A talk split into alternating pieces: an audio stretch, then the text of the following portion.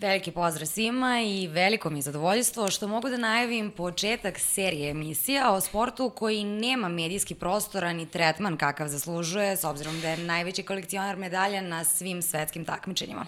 Odavno želimo da vas upoznamo sa vaterpolo pričama, sa akterima ovog sporta, ali i sa problemima sa kojima se suočavaju, pa može da utičemo i da vas postaknemo da pomognete stabilizaciji prilika u domaćim klubovima. Ovaj podcast nazvali smo Podcast kapicom. Moje ime je Marina Sekulić, a meni će u buduće društvu u ovom podcastu praviti kolega Pavle Živković. Pavle, dobar dan. Ćao Marina. Kako ti se sviđa moja najava?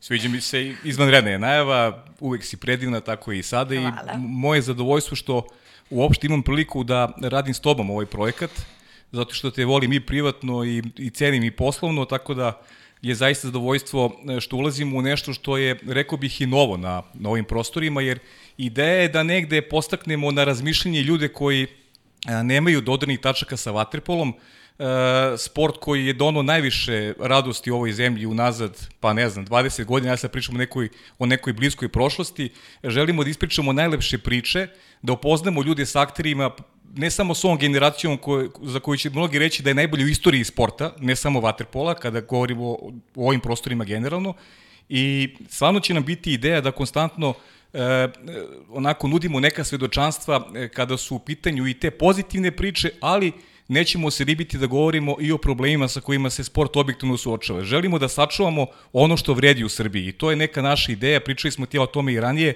jer smatram da država pre svega mora da vodi računa onome što je donosi, što je donosi e, neku, da kažem, e, vrednost. A znači, to je vaterpolo definitivno kada je sport u pitanju, jer reću samo na početku, pre nego što je prepustim da uradiš ono što je onako i najvažniji deo, da najaviš gosta, da je e, srpski vaterpolo e, od 2000. godine pa evo do dana današnjeg, samo na tri takmičenja nije osvojio medalju. A, a vaterpolisti imaju svaku leto takmičenje, svako leta se odvajaju od po, svojih porodica, svaku leto provode na pripremama, e, negde e, žrtvuju i svoje vreme i žrtvuju e, ono što e, mi onako obični smrtnici često ne možemo da razumemo jer e, volimo i da se provedemo, volimo da provodimo vreme sa ljudima koji su nam bliski, oni sve to žrtvuju zarad uspeha, a mislim da nisu adekvatno ispraćeni i da nemaju, da kažem, adekvatan tretman u medijima. E, stoga je neka, neka tvoja i moja ideja da mi damo neki pečat uh, Eh, afirmaciji vaterpola kao sporta kroz, a, kroz priču, kroz neke lepe priče, ali i kroz manje lepe priče, a sada ti Marina prepuštam da on, onako onom svečanom delu podcasta da najaviš naše goste. Jo, biće mi veliko zadovoljstvo jer je on jedan od najboljih svetskih vaterpolista svih vremena, neko ko je osvojio sve što može da se osvoji kako u klubskoj, tako i u reprezentativnoj karijeri, neko koji je takođe imao i individualne nagrade, pa tako sedimo sa čovekom koji je više puta proglašen za najboljeg sportistu sveta. Da ne dužim dalje, svi znate da se radi o Andriji Prlinoviću. Zdravo Andrija. Dobar dan. Kako ti se sviđa ovde kod nas u studiju? Ja bih prije svega izrazio zadovoljstvo što sam što imam čast da budem prvi gost u ovom serijalu i da vam se zahvalim jer Vatrpolo mislim da na ovaj način do sad nije imao pažnju i vjerujem da će biti svim pravim ljubiteljima Vatrpola e, veoma interesantno ono što će se e, što će imati prilike da čuju kroz ove emisije i mm, uzbuđen sam i radojem se kako s ovim gostovanjem svojim, tako i sa gostovanjima mnogih kolega u budućnosti. I mi isto. Naravno, i mi smo presrećni zbog toga i hvala ti što si nam ukazao onako i plezir da, da, budeš, da budeš prvi u ovom podcastu. Ajmo onda da krenemo od ovih aktualnih tema. E, reprezentacija se okupila u Beogradu, trenirali ste e, zajedno jedno vreme, međutim, e, koronavirus koji je prisutan svuda u svetu, ne samo kod nas, odvoji se od bazena, prvo Nemanja Vico, pa i selektor reprezentacije Dejan Savić se, se razbolao.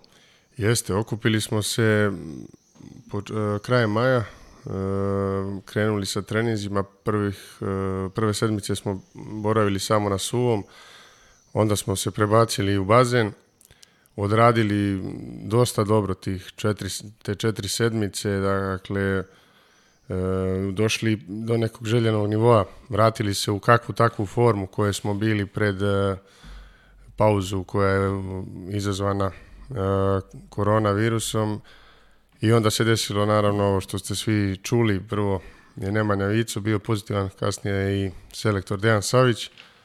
Srećom, nemaju neke zdravstvene tegobe, neobičajene, simptomi su blagi i verujem da će oni uskoro biti dobro. I s te strane nema razloga da budemo zabrinuti, što je najvažnije. Pripreme su obustavljene do daljnjeg, testirat ćemo se, mi smo svi već radili e, jedan test, odradit ćemo još jedan mislim negde 3. E, jula, pa će se nakon toga odlučiti o nastavku eventualnom priprema koje bi po onom planu trebale da budu e, do 25. jula. E sada kada pričamo već o koroni, e, pomerene su i olimpijske igre za narednu 2021. Kako razmišljaš o tome, da li je to možda plus ili minus za naš državni tim s obzirom da smo jedna od najstarijih ekipa? To sam čuo mnogo puta da za tu Eh, analizu. Teško je to reći, zaista teško je reći da li na nama dobro došla ova pauza ili, ili nije ovaj prekid.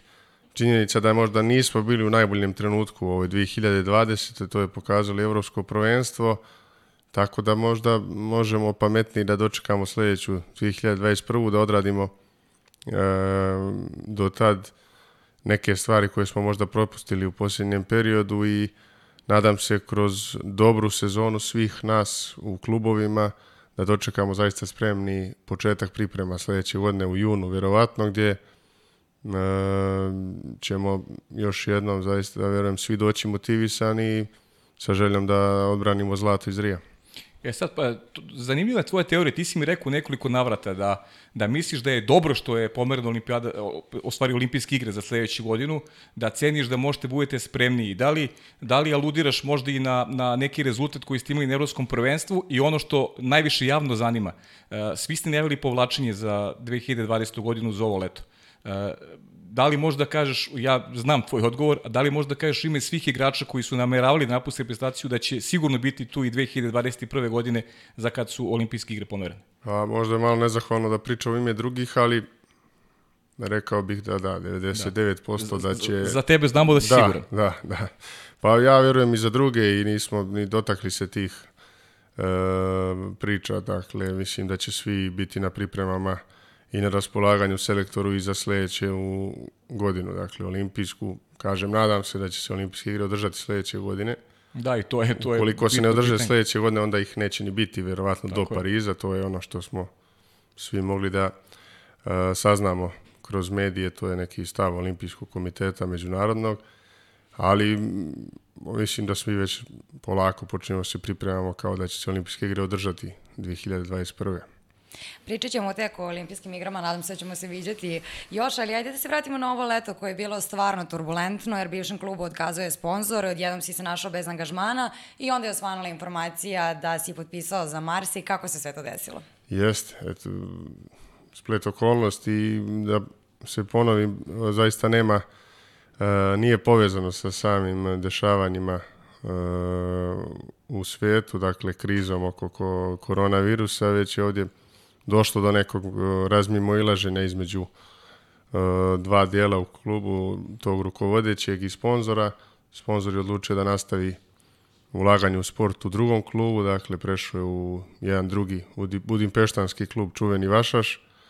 Ovaj klub u kojem sam ove sezone igrao, za koji sam nastupao SC, e, od septembra krenut će, u stvari sada već, Mađari kreću u julu već sa takmičenjima, krenut će bez stranaca, promenili su koncept e, klubski mi smo postali slobodni igrači u trenutku kad to nije oček, niko očekivao. Pojavilo se interesovanje nekoliko klubova, Uh, Marse je tu bio uh, dosta konkretan i zaista su mi pokazali, dali do znanja da, da bi mnogo želeli da ih ja pojačam, da, da nastavim sa igranjem u Francuskoj. Svidjela mi se ta ideja i E, u sportskom smislu jer e, Francuzi žele da napreduju, žele da budu bolji. Taj klub ima veliku tradiciju. E, preko sto, mislim da ove godine slave, sledeće godine da slave 100 godina postojanja. I imaju ogroman broj titula u Francuskoj. Stigo je i evropski trofej prije, prije godinu i pol dana. Osvojili su Eurocup žele sada nešto više da urade u Ligi šampiona i s te sportske strane to mi je izazovno i naravno još da dodam što sam iskoristio priliku da živim u jednoj tako što ću živjeti, nadam se, u jednoj tako lepoj zemlji uz Italiju, vjerovatno najljepšoj zemlji na svijetu. Potpisujem. E, da. to je i sa te strane e, porodične i nekog životnog iskustva zaista uh, jedan dodatni kvalitet u cijeloj toj priči i želja mi je da naučim naravno i francuski jezik uh, i ima tu dosta pozitivnih uh, stvari vezano za taj moj odlazak i potpisao sam na tri sezone, dakle znam gdje ću biti u narednom periodu što mi mnogo isto znači jer više mi je preko glave seljenja, pogotovo od kad su stigla djeca i to je sve teško uklopiti dok si sam, ovaj, možeš i na kraj svijeta. Sad sa djecom se sve mijenja i gledam uvijek da i njima bude eh, lako za prilagođavanje i da i oni budu srećni i zadovoljni.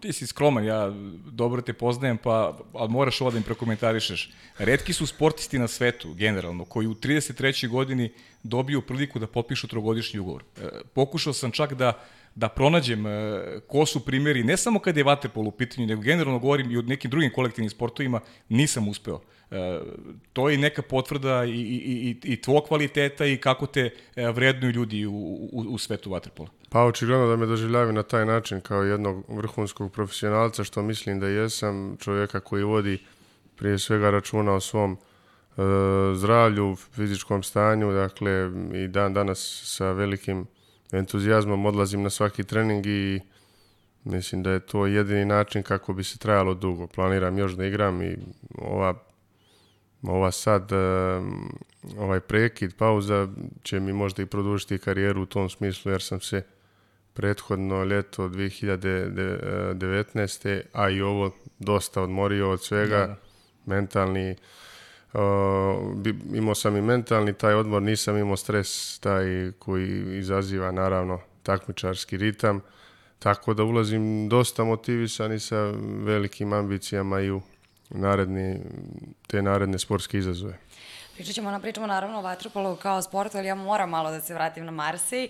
Da li je to što si odrastao, ono mora uticalo na tebe da izabereš? Sigurno, da. Poslije skoro 15 godina, dakle 14 godina ovaj, od ovog odlaska, dobro, ajde račun, da ne zaboravim taj period u, u reku, ali uglavnom sam provo, proveo vreme na kontinentu od 19. svoje godine, što Beograd, kasnije i Mađarska, dakle, to je nekih 11 e, sezona u klubovima koji su ipak na kontinentu. Uželio sam se naravno i mediteranske klime i tog stila života, to mi je dobro poznato i jeste jedan od razloga što ću živjeti u tako lijepoj geografiji i moći da uživam i u svim tim prednostima života na moru.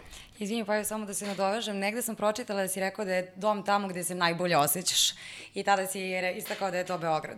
E, da sigurno, dalje? bilo je u tom trenutku, da, ta, sad ne znam od, od kad je ta izjava. Sad mijenja se dosta stvari kad dođe da. porodica u smislu što, evo recimo, meni su djeca rođena u Herceg Novom, oni jako vole hvala Bogu, Herceg Novi, to je za njih ipak broj, grad broj jedan i dan, danas ovaj, i dalje i bit će još dugo vjerovatno, tako da ja svaki put kad odem u Herceg Novi e, sve više i više mi prija, tako da život sportiste je uglavnom život na više adresa.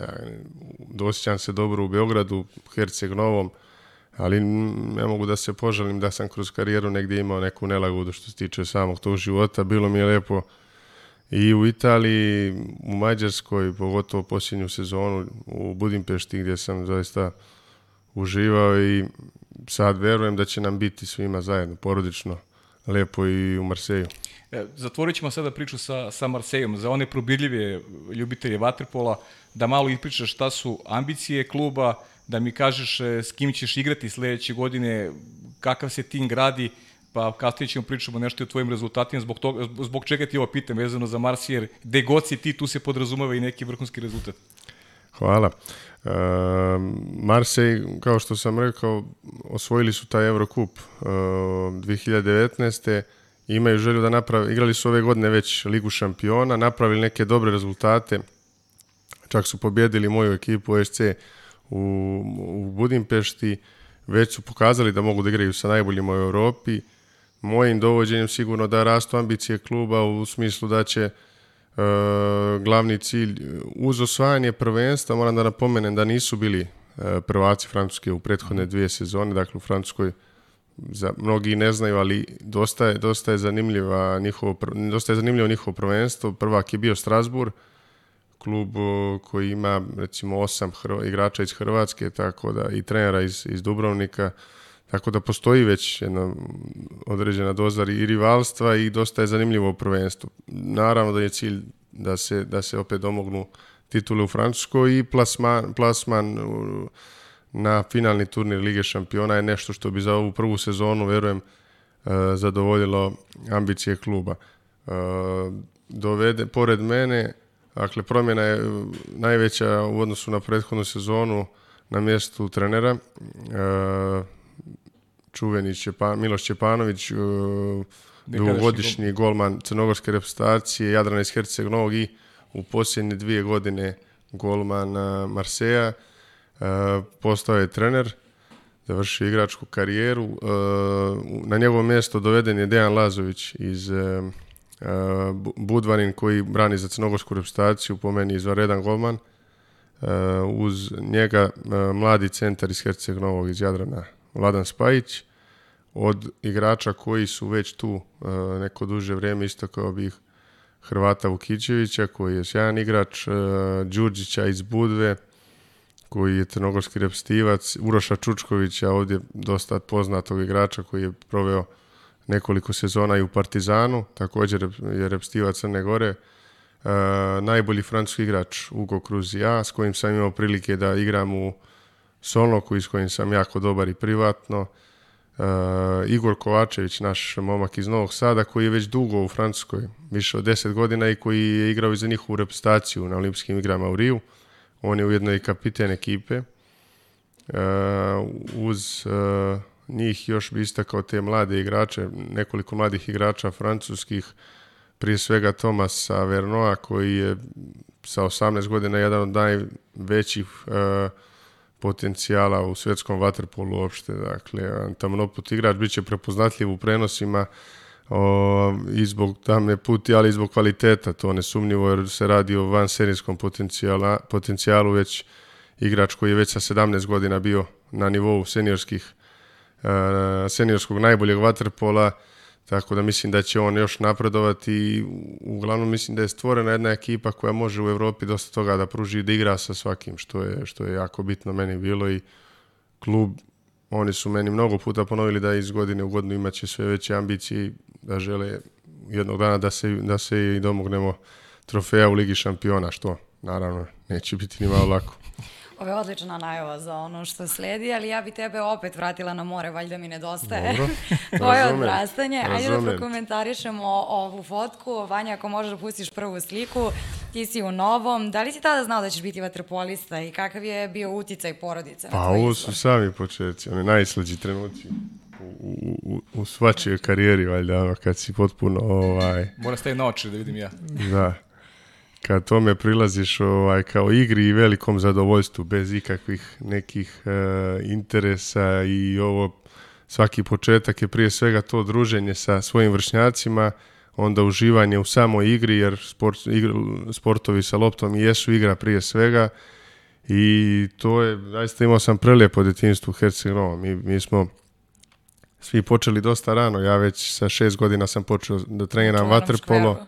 Da, Um, počeo sam već sa šest godina da treniram vaterpolo, prije toga još plivanje, dakle to je evo već dobrih 27 godina sam u, u, u vaterpolu i uh, to su nezaboravni oni prvi trenuci, sjećam se, otac me odveo na prvi trening kod njegovog bivše kolege sa igrača Dušana da. Bilasa. Otac koji inače isto legenda vaterpola, da, da bio, bio potencijalni repstivac. Eto, malo ljudi znaju, ali bio je na pripremama one velike zemlje za olimpijske igre u Tokiju 1964. Dakle, bio je užem krugu kandidata za, za odlazak na olimpijske igre 64. kada je osvojeno srebro u Tokiju.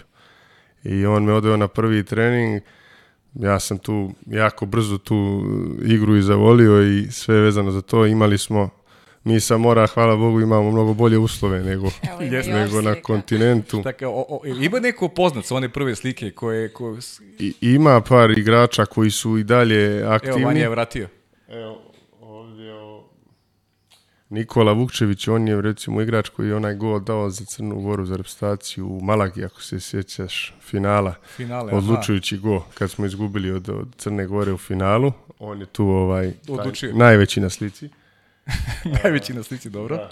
Tu, tu je i uh, tu je i Ivović, dakle jedan od najboljih svetskih da, igrača. Da, Ivović je tu uz tebe uvijek, da, vi ste da, generacija. Mi smo, da. mi smo zajedno krenuli.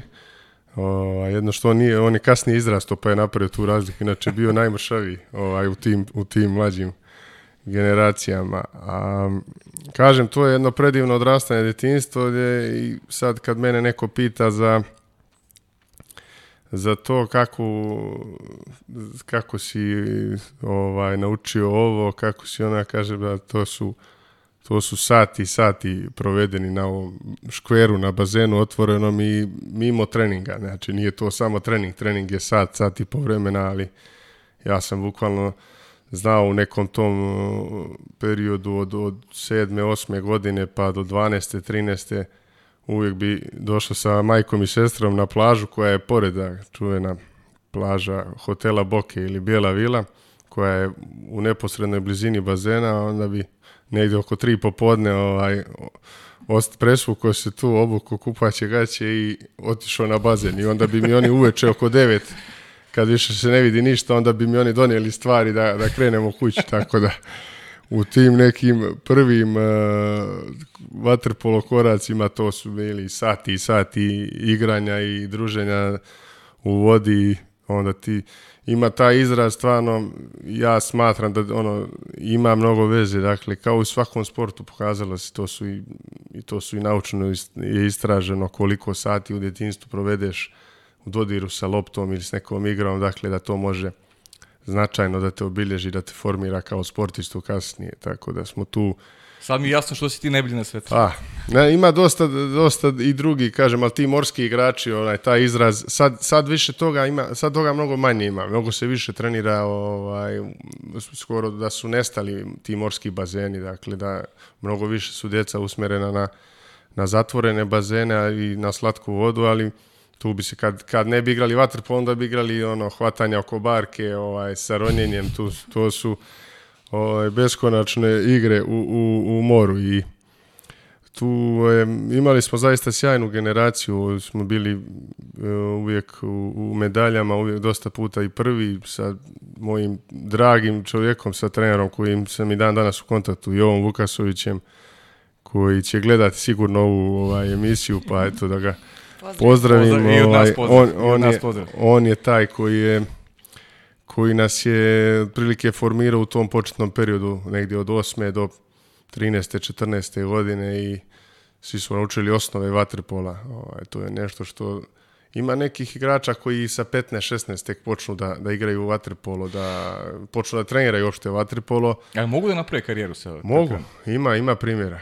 Mislim, ima primjera ko što je Toni Kukoč počeo da igra košarku sa 16 da. da. ili recimo ovaj Hrvat, e, znam njega lično, ono, igrali smo zajedno, Damir Burić koji je Damir Burić, da, da. čuveni i poslije napravio veliku karijeru i sve osvojio.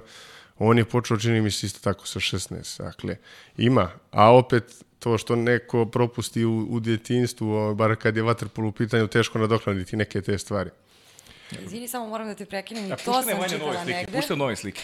Aha, i to sam čitala negde ovaj, da si rekao, pošto je odrašao si na moru, da ti je životna želja da probaš jedrenje. Si probao među vremenu? Nisam, znači, od, od, u, u, uporedo sa, sa vaterpolom trenirali smo ljeti svi, skoro ovaj, uglavnom svi, one jedrenje, one... Evo ga čuveni sfer, izvinjam se, čuveni škver, Eto, to je... Eto, jedna od prvih utakmica, ja verujem, ako nije ako prva, nije onda je jedna od prvih ikad što sam ovaj... Ko je letovo u Herceg Novom, vrlo da. dobro znao ne, da, o da, čemu pričamo. Tu lokaciju. Tu lokaciju, da.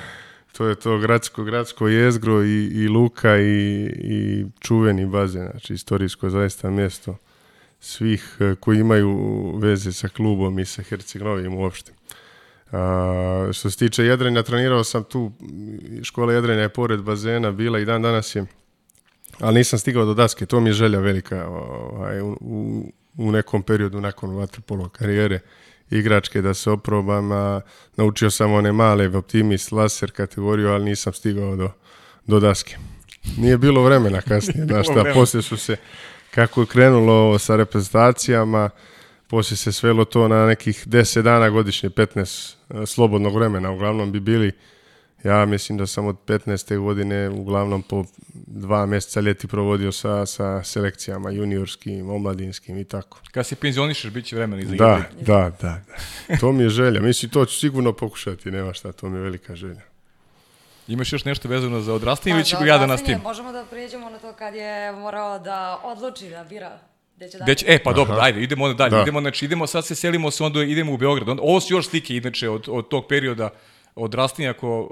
E, Jeste, ovo neko da. prvenstvo, ovo je na slika sa banjice. Slika sa banjice. E, pa eto, da. ima simbolike, znači pravimo ima. prelaz, idemo na banjicu baš. Ovo je slika sa banjice i sad e, ono sledeće prvo što bi valjda spomenuti, takle, taj prelazak u prvi tim Jadrana sa već 15 godina okay. sam odigrao prvu utakmicu za, za Jadran, za prvi tim, tad trener bio Petar Porobić, jedan od najboljih trenera uh, ikada svojih prostora, to bez ikakve sumnje i čovjek koji je mnogo uticao na moj razvoj u pozitivnom smislu. E, tri godine sam naredne, dakle od 16. do 19. nastupao za prvi tim Jadrana, odigrali smo, svojili smo tri duple krune, bio sam član te ekipe koja je svojila tri duple krune, igrali finale Lige šampiona tada sa Mislim, mislim da imamo vanje tu sliku da. sa finala Lige šampiona. Sa čuvenim je... Honvedom, to je da. 2004. Uh, 2004. godina, finale na Marge Cigetu u Budimpešti. Ne, ovo, ovo je slika sa, ovo je sa svetskog, sa, sa kasnije, svetskog malo. kasnije. Aleksandar, to je sa Ivovićem. Ovo je 2005. 2005. Isto kao član Jadrana sam tad još uvijek. Da. To je, to je 2005. u oktobru, dakle moja posljednja sezona u, u Jadranu. Da, vidjet ćemo tu sliku kad ali bude bilo, kad Vanja... To, da, kad... Ne, ovo, ovo je već iz Partizana Vanja slika, to ćemo kasnije, nema veze, ali dobro, ok. okay. A, dakle, te tri sezone gde sam se upoznao šta je znači seniorski vaterpolo, naučio te bazne, bazne, zaista a, delove vaterpolo igre i imao sam najboljeg mogućeg mentora i trenera u tom trenutku i to uvijek ponavljam. Uh, imao sam od koga i da vidim, imao sam igrača koji su, koji su bili stari i naravno mene već, već vrhunskog kvaliteta i imao sam od koga da vidim što je jako bitno za mladog igrača. Nije uvijek dovoljan samo trener, jako e, veliki utjecaj imaju stari igrači naravno na razvoj nekog 15-godišnjaka e, ili nekog koji tek treba da uđe u prvi tim. Izvini, Andrija, Pera bio trener tada u, u na tom Final da, Fouru u da. Budimpešti, da? Da, da. On je tad bio trener, već je bio u stručnom štabu reprezentacije dugo, dugi niz godina i posle je preuzeo reprezentaciju 2005. osvojio svetsko prvenstvo u Montrealu, pa se nakon toga ono raspala uh, zajednica da, da. i onda je on posle Crnom Gorom bio evropski prvak i tako. To je već poznato. Kažem, da imao sam sjajan tu, sjajno to prilagođavanje na seniorsku vaterpolo i prošao jednu školu, pravu školu vaterpola i Kosi sam bio spreman za te izazove. Dolazi trenutak e, svima dobro poznat, on referendum u Crnoj Gori, odvajanje e, Crne Gore od Srbije, moja odluka da, da pređem u Partizan i da zaigram za repstaciju Srbije. U tom trenutku Partizan je dosta bio ambiciozan i što se pokazalo da su te ambicije zaista i bile iskrene, postao je taj, već tad je napravljen taj projekat osvajanja Lige šampiona. Mojim dolaskom uh, oni su kompletirali, mogu da kažem, jednu um, generaciju mladih igrača približno godinama. Dakle, mi smo svi bili između 80 petog i 88. Dakle, Stefan Mitrović je bio najmlađi tada od tih igrača i zajedno smo krenuli, zajedno sazrevali tu uz Dejana Udovičića. Ja, kad koji... smo već ko Stefan, evo slika sa, sa Stefanom Mitrović, koji inače i tvoj kum. Jeste, ovo je već e, završni čin te Partizanove priče, priče da. dakle, da. posljednja utakmica i najslađi onaj trenutak, da jeste titula prvaka Evrope u Rimu, jedna veličanstvena, jedna veličanstvena pobjeda protiv Proreka u finalu. Mislim da niko nikad nije tako ubedljivo u finalu pobedio favorizovanu ekipu, jer su oni zaista bili favoriti u tom trenutku E, ko je sve tu igrao za njih, ali nisu bili ni blizu u toj utakmici danas ugroze, toliko smo mi u tom trenutku dobro delovali i odigrali je e, nezaboravno finale.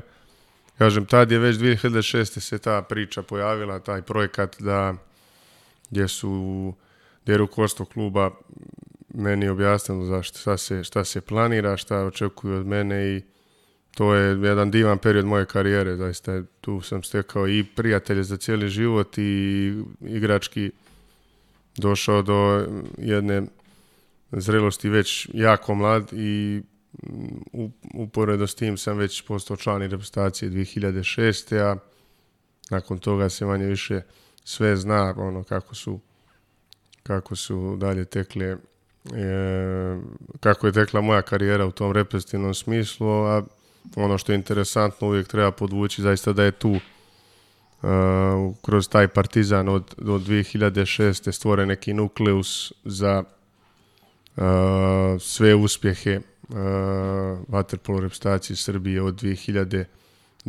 pa do dana današnjeg. Dakle, tu je nekih 5-6 igrača koji su konstantno tu. Uvijek bi se dodao još poneko sa ko bi iskočio uh, umeđu vremenu, ali to je od, od tog Jezgro trenutka. Neko. Da. Ono što je bilo u suštini osnova za, za, za uspjeh. E sad rekao si da si stekao prijatelje, koliko ti je to lep period u životu, ali kako je izgledao dolazak u Beograd, jer došla si mlad, velika je to promena. Znam da si najveću podršku imao sestri Milici. I jesam, ona je došla malo posle mene da, da studira, da, da upiše studije arhitekture. Uh, pa jeste bilo na početku Ehm, malo pitanje kako ću ja to sve ovaj, da podnesem promjenu i to, ali mogu reći da se brzo jako prilagodio, imao sam veliku podršku i od ljudi iz samog kluba, od saigrača i taj proces prilagođavanja nije mi teško pao, ja se brzo prilagodio, brzo zavolio Beograd i ljude u njemu i tako ponavljam Uvijek to je bilo jako lijepih pet, pet godina, onako mladalački, kad si mlad ne razmišljaš o većini stvari, ne smeta ti ništa, pa više mnogo uživaš nego sad, kad u nekim godinama ozrelim. Tako da se to, uvijek se, ono, lijepa su mi sjećanja za, za te trenutke i za te prve izlaske zajednički sa, sa, sa, sa društvom, sa igračima, za da, druženja i tu bezbrižnost u smislu što tad je Partizan zaista bio ozbiljan Eh, klub dobro je finansijski stojao, mi smo, nisu to bili veliki novci, ali bilo je za nas tad to veliko dovoljno, mi smo tek počeli da zarađujemo neke eh, neke novce, da je bilo nama dovoljno za neki opušteni život, dakle nikad nije eh, se oskudevalo u ničemu i kažem to onda polako zajedno počeli svi da postajemo i članovi reprezentacije, to je već dodatno sve nas, dodatnu satisfakciju nam pružilo, eto, to je brzo prošlo neki, 15 godina brzo je prošlo. Samo. Da. Je, znaš šta sad razmišljam? Sad slušajte kako pričaš, pa na, na na neka pitanja koje sam ovaj, pripremio si već dao odgovor, pa mi sad pada na pamet ta kombinacija slana, slatka voda, znaš. Uh mhm. -huh. Kako je to napravljen jedan dobar spoj. Uh, e, i u reprezentaciji tada u Partizanu i u reprezentaciji. Pre svega mi sad, sada na reprezentaciju.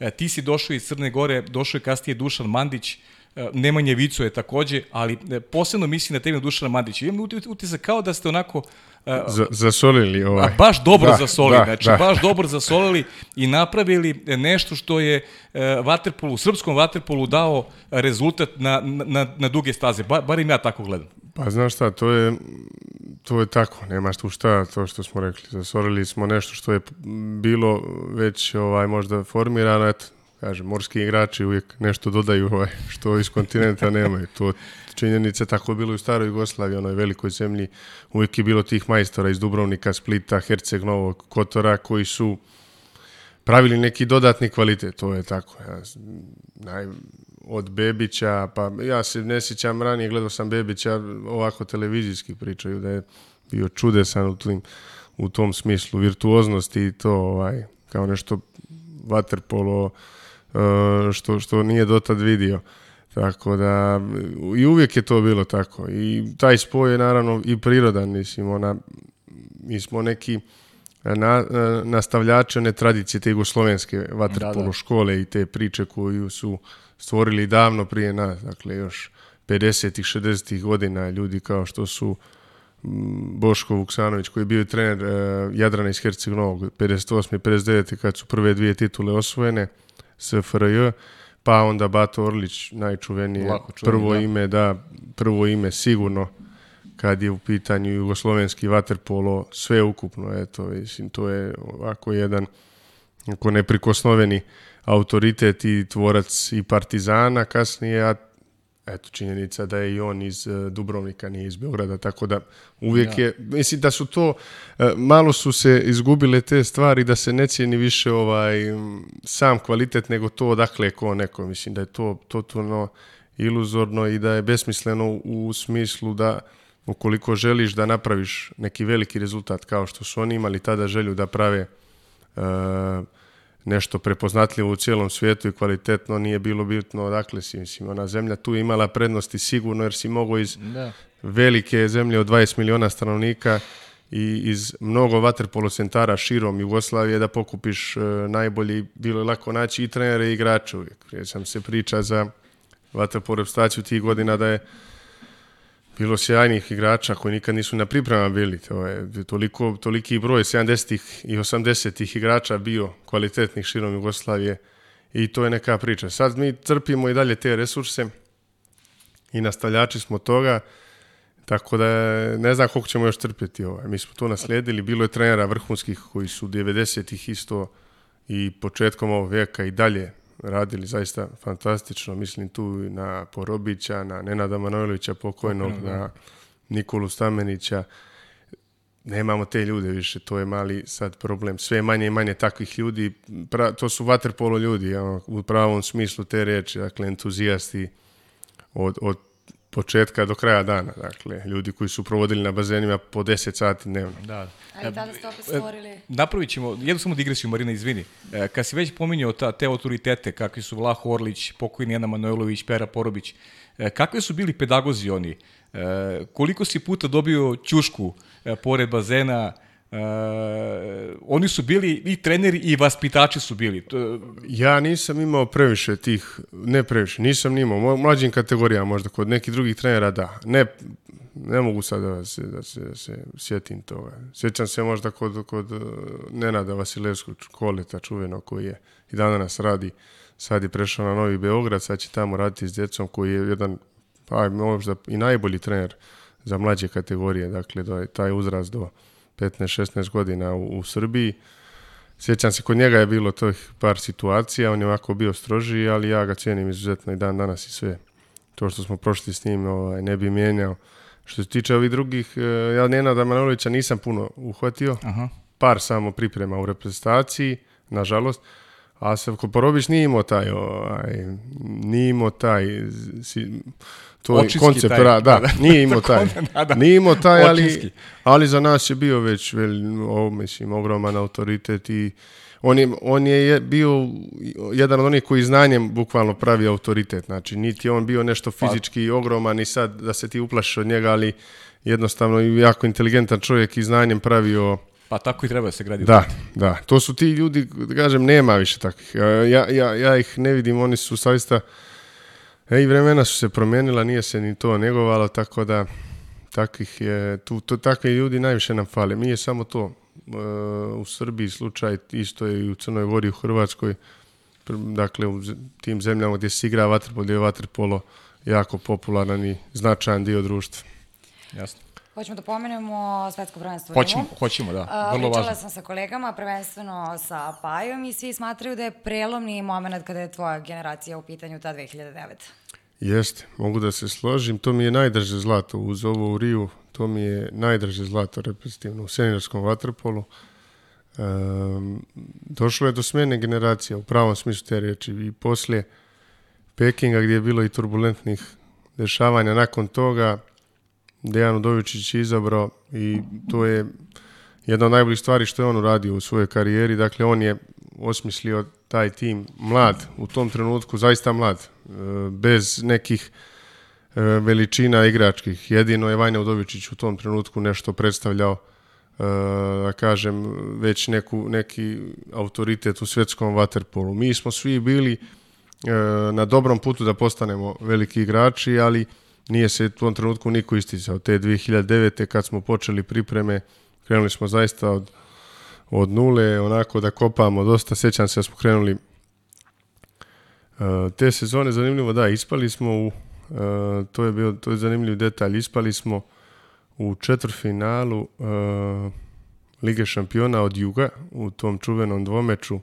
Banjići smo pobedili 11-9 u Dubrovniku smo izgubili 11-7 i ispali smo u četvrtfinalu. To je bio onako krah rezultatski jer se napravila ekipa, već je tu bio i Vlada Vujasinović, doneden e, i Jugoslav Vasović igrao te godine. Onako jedna ekipa koja je bila zaista jaka u, u tom trenutku koja je trebala da se nađe na, na Final Fouru.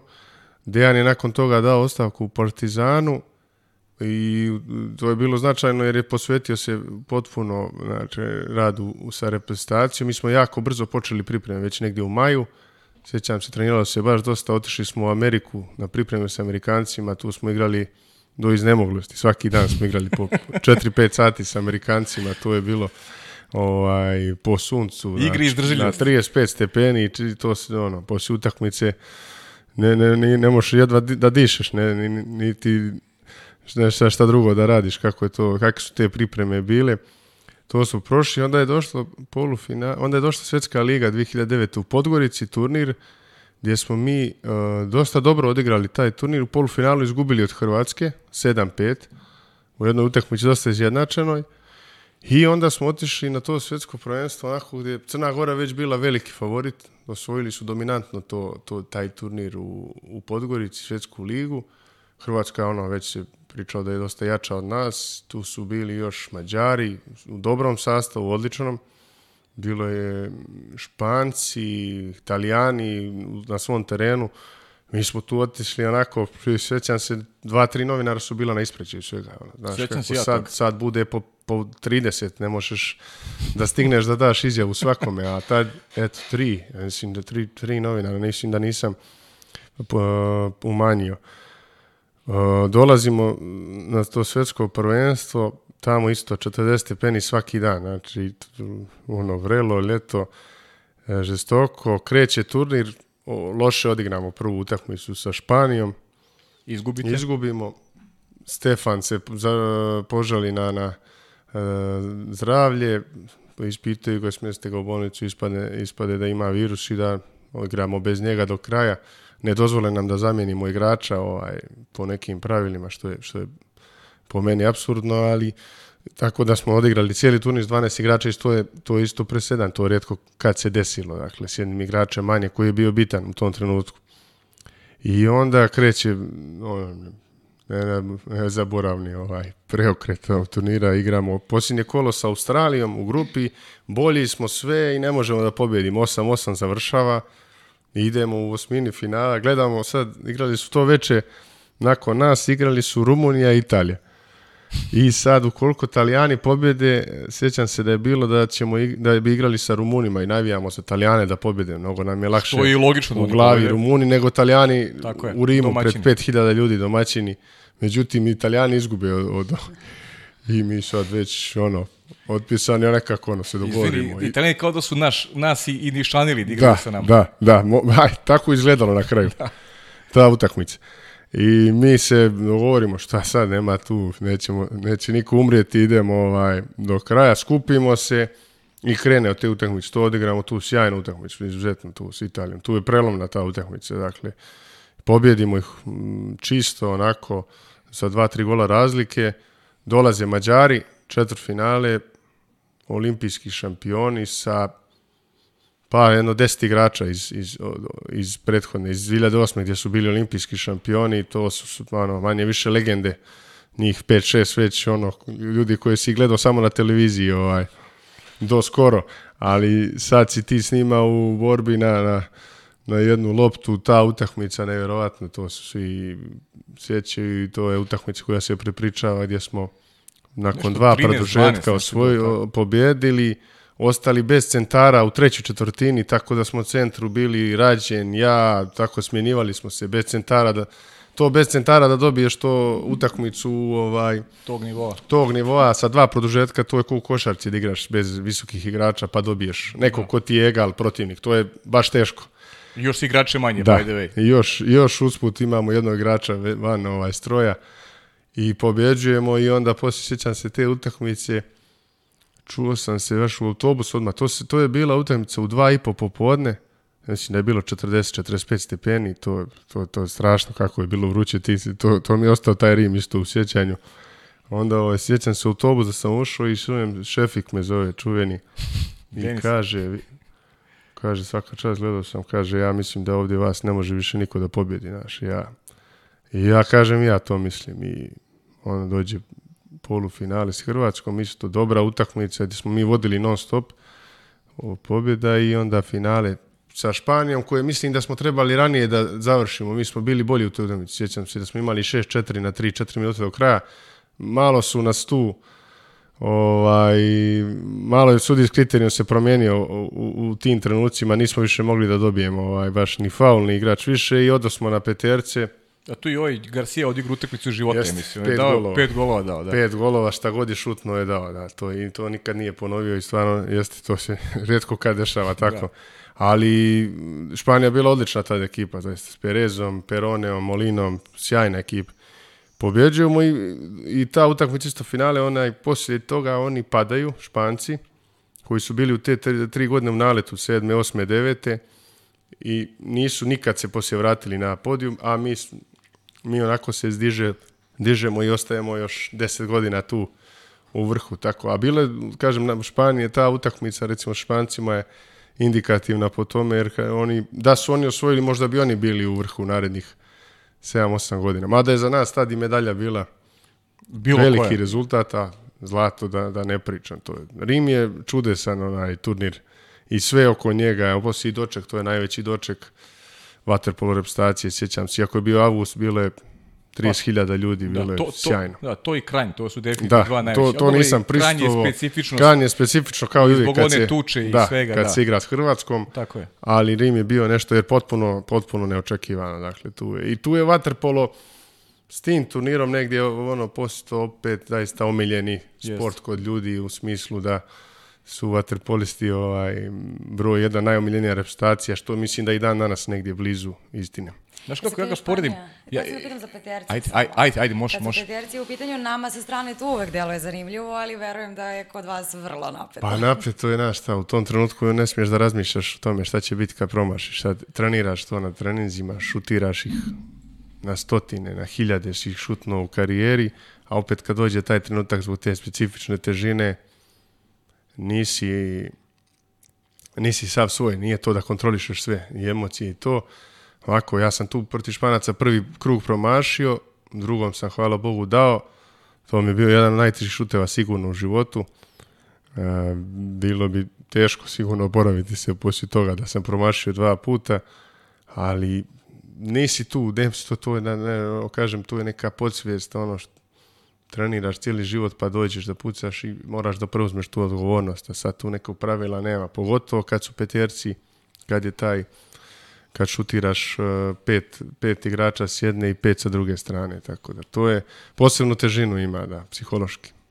Da, ali pazi, to je pobediti na peterci i dokaz kvaliteta. Jeste, ja, ne. Znaš, da- znaš ne, da ste, vi ste prvi put izgubili na peterci ove godine jest. u januar na Evropskom prvenstvu. Pre toga e, tvoja generacija, Nik. sve utakmice na peterci jest. pobeđivala. Znam to i e, nije, nisu lutrija. Ja, nisu. Ne, ja ne kažem da su lutrija i e, govore o psihološkoj stabilnosti tima, snazi psihološkoj i uopšte o trenutku, trenutak jeste taj poseban, ali taj trenutak je poslije ovaj, negde, se, negde ga, kažu u podsvesti ga kreiraš taj trenutak i kroz treninge i kroz onu patnju koju prođeš i bezbroj šuteva koje, koje šutneš na treninzima. Tako da nisu lutrije, ja se ne slažem s tim. Malo negde sreće treba imati jer nekad ti se desi da da, na, ovaj, da ti ne ostanu igrači koji bi trebali da šutiraju pet, nego ima neko ko nikad ne bi šutirao pa mora da šutira. Tu malo ima sreće i sad dosta zavisi od golmana, ali Po meni nisu lutrija u vaterpolu, u vaterpolu bar nisu. Da, da, pa ja generalno mislim da, da, da to, to, to nije lutre, nije sreće, nego...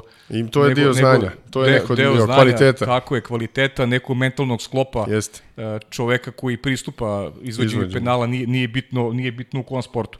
E, e, nekako se moje pitanje nadovezuje prirodno vezano za, za, za, za, za celu generaciju i za ono što je neka, da kažem, priča generalno koju prati Waterpolo. E, Uh, verujem da ti smetaju priče, često se, često se pocenjivački priča o vaterpolu, navodno igraju ga 3-4 zemlje, uh, uvek se vrti oko istih zemalja, kao da u futbolu nije tako. U futbolu se isto vrte 3-4 zemlje, u, mnogi učestvuju, ali zna se ko se bori, uh, ko se bori za medalje. Uh, Kako ti gledaš na te priče i da li ti, da li ti smetuje? Evo recimo, vratimo, vratimo se na taj Madrid. I meni je kao gledalcu, kao neko ko voli vaterpolo, najdrža ta, uh, to zlato i Španije. Zašto? E, osmina finale Italije, četiri finale Mađarska, polufinale Hrvatska, finale Španija. E, pobediti četiri takve utakmice sa pomlađenim sastavom četiri sile, e, to je dokaz u tom momentu bio da ta generacija, ta tvoja generacija ide krupnim koraci, koracima ka nečemu što je, se zove svetski tron i da će dugo da vlada. Tada smo a, e, e, to svi znali. Kako gledaš na taj neki pocenjivački stav koji često proveva a, e, kroz javnost? Pa to je iz neznanja ili možda iz neke ljubomore. I mislim da je to glavni razlog što ih priča. Kao što si rekao, to se slažem. I u drugim e, sportovima redko kad, e, skoro nikad ne osvoji e, svjetsko prvenstvo Senegal ili, ili Venezuela ili Kolumbija. Budu kao u priči nekoj za medalje, ali ne osvoje ovaj, Uh, nije ni Južna Koreja osvojila, samo je stigla do polufinala u futbalu ili Turska. Tako da se uvijek sve svede na tih 5-6 zemalja. Waterpolu, ne, e, vaterpolu se igra širom sveta, svugdje se igra. Nekoga igra bolje, neko slabije. To je, igra se u Brazilu, igra se u Venecueli, igra se u, na Kubi. Kubanci su imali do, do 90-ih reprezentaciju u osam na svijetu. To malo ljudi zna. Pamtim ta vremena. Da. Rumuni su imali, Rumuni istorijski su uvijek među osam. E, Da ne pričam, igraju dosta razvijene zemlje u Evropi, Italija, Španija, uh, Nemačka je bila 80-ih, ehm, pa, su nas pobeđivala u Hagen finalima. Hagenštam, da. ekipa, da. Da, tako da igra se svugdje. Neko igra slabije, neko...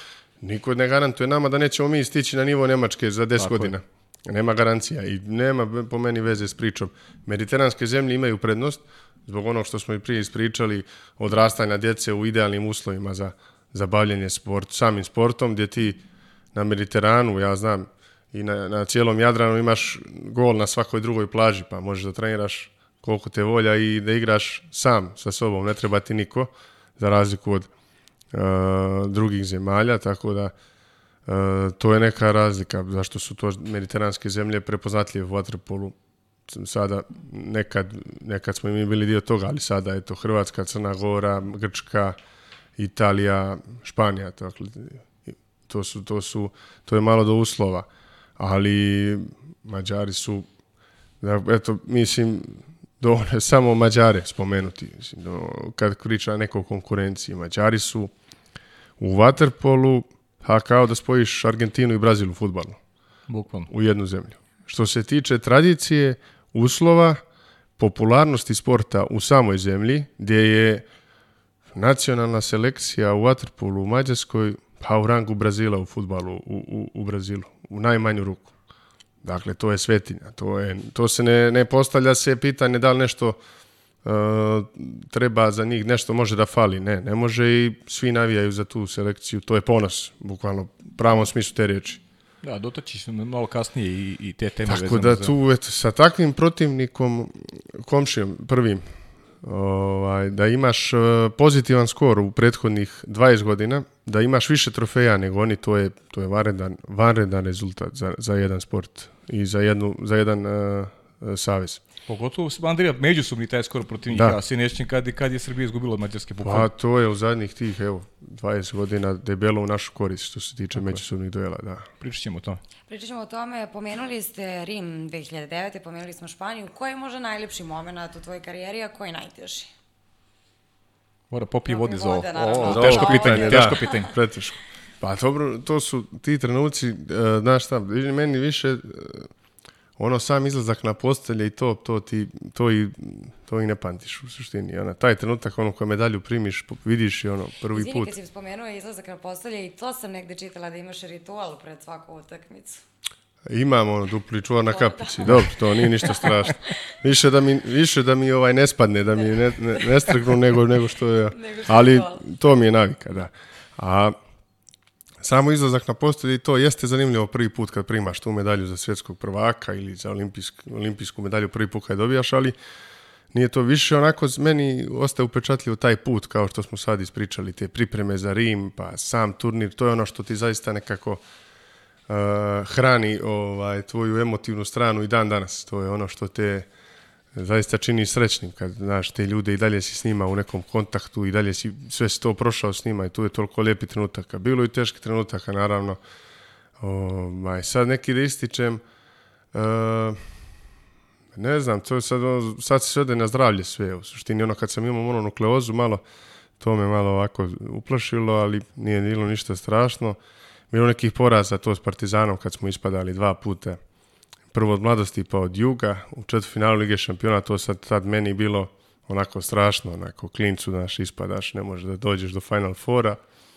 Ovaj, pa šta znam, onda bilo je možda malo razočarenja već u Londonu kad nismo osvojili onaj, mi smo mislili da ćemo osvojiti zlato, tad nismo stigli. Ali sve nekako treba da se posloži u sportu, odnosno slično vjerojatno i u životu, a u sportu baš treba nekako da se poslože kockice kad To je izraz se koristi, ovaj, mislim da je dobar. Treba da se posluži dosta stvari da bi otišao negdje do kraja. Tako i Rio olimpijske igre, dosta je tu bilo stvari koje je trebalo da se odrade u prethodnih tri godine da bi u Riju se ot, da bi otišli do kraja. Kaži mi, Andrija, kako, kako podnosiš eh, pripreme svakog leta Eh, odvojenost od porodice, eh, bukvalno je, to se ponavlja, to, to, to je, do 2019. ti bukvalno nisi imao maltene slova dan tokom cele godine. Nisam. Da. Pritom da. znam, nećemo da pričamo o tom, imao si i privatne lomove, znači jako je teško eh, fokusirati, to je nešto javnost ne zna. Znači, javnost vidi Andriju Plinovića u kapici i očekuje da Eh, on uvek bude najbolji. Ne zna šta je njegovo unutrašnje stanje, da ima i svoje probleme, da osustuje u kuće konstantno, da ne vidi svoju decu, da ne vidi suprugu, da se suočava sa, eh, sa milion problema, ali od njega uvek traži on najbolje. Kako se nosiš sa tim eh, gde pronalaziš taj unutrašnji mir i, i, i kako uspevaš da, da, da prebrodiš te krize sa kojima, kroz koje prolaziš u stvari? E, ima dosta teško, to su najteži trenuci od kad sam dobio decu i to odsustvo od kuće na duže, to je ono što je najteže i pada mi teško naravno. E, sad sam ove posljednje dva ljete koristim maksimalno da budem sa njima i da uživam u njihovom odrastanju. A, to je surov je život taj vrhunsko sportiste, to mislim da to ne znaju mnogi, a mislim da mi sportisti smo svesni toga, tih svih odricanja. Možda tek jednog dana u stvari postaneš svestan i svjesni kad završiš karijeru pa vidiš kako neke benefite normalnog života, porodičnog, nekog vremena koji imaš druge ljude, toga u sportu fali uvijek. Dakle, sport iziskuje jednu predanost mm, maksimalno, izuzetno, to od jutra do mraka nema šta. I pažnju i na svoje zdravlje prije svega, na ponašanje, na, na uticaj na druge unutar tima.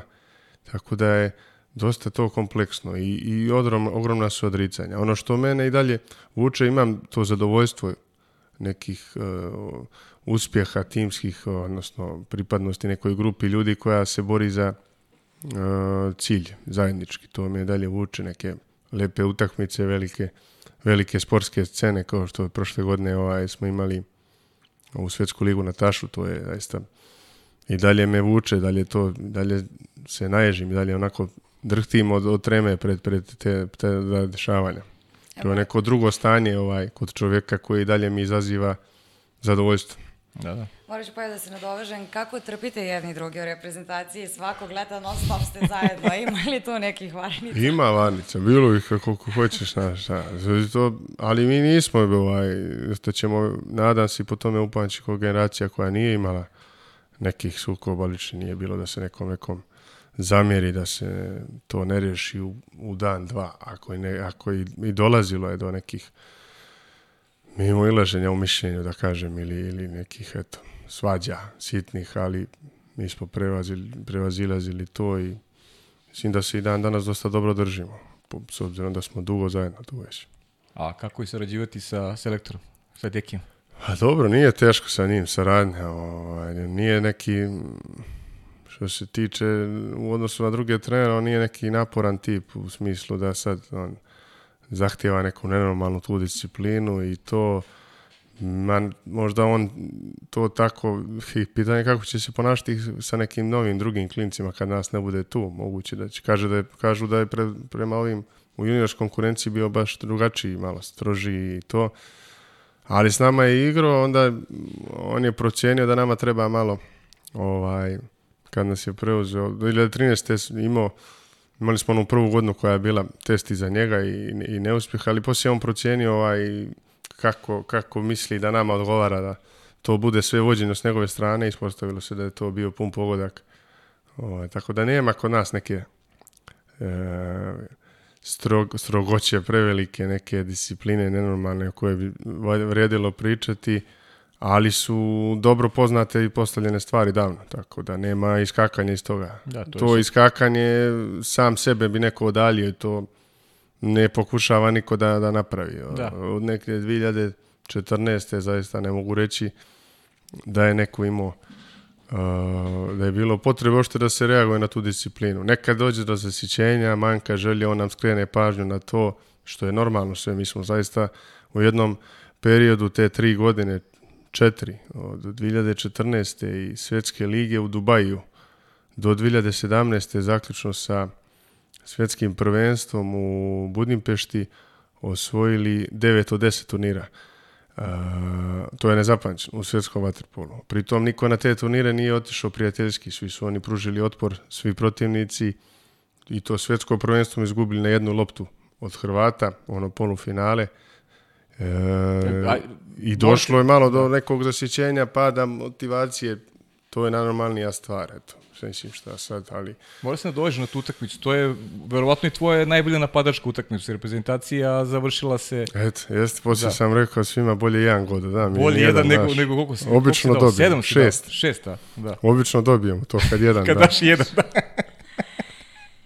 Pričali smo o tome da su najveći rivali Srbije, Hrvatska, Tako. Španija, Mađarska, tako da bi mogli da popričamo na dva kluba što si spomenuo na samom startu koje, sa kojima je igrao, a nije osvojio. Aha, s kojim Andrej nije da. osvojio. Da. To su Jadran iz Herceg Novog i OVSC. Prosto, Jadran si igrao finale. Jadran sam Ovi igrao. ti nisu dali šansu da... da Nisam, da, da ušao u final. Da, to je bilo, ovaj, sjećam se prvog polufinala sa Šturmom. Ja sam ušao u nekoj drugoj četvrtini, mislim. Neku kontru sam isplivo, sam se vola i šutnem špric čuveni, to je šut ovaj koji on, to, to je u toj u toj jugoslovenskoj školi skoro zabranjeno, znaš, to su ti... Jel tako, to što nisam znao, da. Stamenić i, i, i ovaj e, Orlić, Stamenić i, i ovi njihovi učenici izbacili, naš iz ovaj upotrebe. To je bila misa na imenica, da, da to šutneš. Ja sam to šutnu u polufinalu, onda sam završio na klupu, o, na klupi i poslije nisam do kraja turnira ovaj, dobio šans, znaš, to je bilo kao sjedi, ipak nisi ti za ovo, nisi, kazne, ne znam si, da. A šaru na stranu, s Jadranom sam odigrao, e, tad nisam imao preveliku ulogu te sezone, moram da budem iskren, ali sam bio u timu, uglavnom na svim utakmicama, e, kasnije još u naredne dvije sezone, dva put smo s Jadranom ispadali u četvrtfinalu, i što se tiče što se tiče OSC-a, i uskraćeno nam je pravo da se ovaj takmičimo do kraja. Dakle, ove godine mogli smo da nešto napravimo. Mislim da je da smo dosta u dobrom trenutku bili. Ovaj prekid nas je zateko u trenutku gdje smo pobjedili i Ferenc Varoš u gostima i Proreko u Italiji prvi put da je neko pobjedio, pobjedio Proreko poslije 7 godina mislim u Italiji. Kada smo dobri, o dobrom jako trenutku nas je zadesio cijeli ovaj prekid i Mm, ostaje žal što nismo imali priliku na završnom turniru da se, da se oprobamo s najboljima. Mislim da smo bili zreli za polufinale, a onda tu mm, u odnosu na ovu ekipu koju smo imali, u odnosu na broj igrača koji je bio dosta dobar, gdje smo bili dosta dobro pokriveni ove sezone na svim pozicijama, mislim da bi imali šanse sa bilo kojom ekipom. Da, uh, ajde da se da, da, da vratimo ovo vreme unazad. Osvojio si sa pro rekom dve titule, bio si prvak Evrope sa Partizanom, bio si prvak Evrope sa Solnokom, to sam gledao uživo, da se pohvalim, i e, bio si prvak Evrope sa Crvenom zvezdom. Nije tajna da ti je onako emotivno ta titula sa a, Crvenom zvezdom najvažnija. E, e, ajde da ispričamo, meni je strašno interesantna ta priča i, i stalno je ponavljam, uh, svima, jer smatram negde da, da jedino uh, je moguće tako nešto da vrhunski vaterpolist urade nešto ste vi uradili u tom periodu u Ja, ja ne, ne, ne mogu da vidim ni jedan drugi sport gde bi, gde bi se neko odrekao primanja i završi sezonu negde u januaru mesecu i rekao, ok, igramo bez a, novca a, sa idejom da možda to doprinese nekom boljem publicitetu vaterpola, da to nekog postakne da dalje ulaganje sportu. Vamo u januaru mesecu rečeno, a, slobodni ste igrači, nema više para u klubu, možete da vi ste se dogovorili da ostanete i Crvenoj zvezdi doneli titul praka Evrope. Jeste. Priča je neuporediva zaista sa, sa bilo kojom drugom. Bar kad je Vatrpol u pitanju, mi smo nakon osvajanja Kupa Srbije 2013. u januaru do, došli na sastanak gdje nam je rečeno da para neće biti, ne zna se. Para nema i ne, ne, verovatno ih neće ni biti do kraja sezone, gdje smo svi slobodni da napustimo klub ukoliko imamo neki drugi angažman. Onda sam jako kapiten mm, sazvao neki sastanak igrački i rekao mislim da bi trebalo da odigramo do kraja danas. Šta god bude ove sezone čeka opet sljedeća sezona. Treba se pokazati do kraja sezone kako bi i neko poželio da nas angažuje za dalje. Dakle, to je bilo ono malo motivacijeno za sve igrače. Tu su bili dosta mlađih igrača bilo, tako da je to bilo lako izvesti sa moje strane. Tu mi naravno sam podršku imao od ovih starijih šefika prije svega Duška i Rađena koji su već bili tu uh, autoritet svima. Nastavili smo i to je naj, naj, najuzbudljivija sezona u mojoj karijeri klubska sigurno. Sa toliko tih velikih utakmica, finale kupa na Banjici pred 2500 ljudi. Sjajna utakmica. Pet utakmica finala playoffa sa radničkim.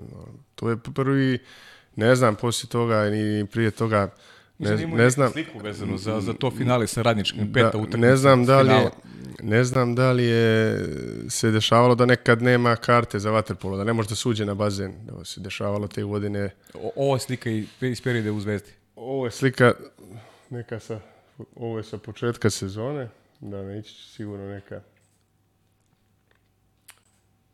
Ovo je, e, ovo je poslije, poslije osvajanja. Poslije osvajanja, da te, poslije te pete utakmice na tašu, to je nezaboravno, to ko nije doživio, siromašnije za to iskustvo, to igranje. E, pogotovo te sezone i druge sezone moje zvezde, ali te sezone, te utakmice s radničkim prije svega, e, prepun taš, zaista. Skoro, ja mislim 3000 ljudi na toj utakmici. Dva vrhunska tima. Da, da, dva tima koja su bila u najboljih četiri u to, te godine u Evropi sigurno. Radnički je bio Laniški, je bio, Laniški je bio na Final Fouru. Four. nije, ne, to je bio sledeće godine, sezone, sledeće, te godine da. osvojio Len Kup. Len Kup, tako je. Ali da. bio u četiri u Evropi sigurno. Dakle, imali smo dva najbolja dva, od, od četiri najbolja kluba u Evropi te godine mislim da smo imali tri. Da, da. Partizan da. je bio tu Partizan, isto, da. isto konkurentan izuzetno. Uh, to je najuzbudljivija i najlepša sezona srpskog klubskog vaterpola sigurno. I s te strane zaista emocije beskrajne i to kasnije što je došlo uslijedilo kao kruna, zaista prava. E, neko nas i nagradio da se taj baš, da se to nagradi ovaj naše, naše htjenje, naša volja uh, tih mjeseci pa da se taj Final Four odigra baš na Banjici u Beogradu, da dođe 5000 ljudi koji te podržavaju i u nezaboravnoj atmosferi i prvog i drugog dana zaista dolazimo do titule prvaka Evrope, nikad niko nije tako brzo došao do prvaka Evrope u istoriji, jer je tim formiran bukvalno u avgustu mjesecu. To je bila to se desilo spontano, mi smo u reku, u proreku ostali bez e, angažmana, Duško i ja. Šefik je bio bez angažmana, a, Rađen imao sezonu u Grčkoj, gdje je takođe ostao bez kluba i okvalno, ono, tamo smo bili na olimpijskim igrama u, u, ovaj, u Londonu i poslije toga o nekoj priči, ono, Šefik je bio za reprezentaciju Crne Gore tada, da, da, drugi da. golman. I tu se malo po selu pričamo i, sa, i sad šta ćemo, gdje ćemo, znaš, kao zvala nas je Zvezda, ono, kad, kad se vratimo, i ja kažem, kaže Šefik meni, ova, ako ti odeš, i ja dolazim, ja, imaš obećanje. Ja rekao, je tako, tako?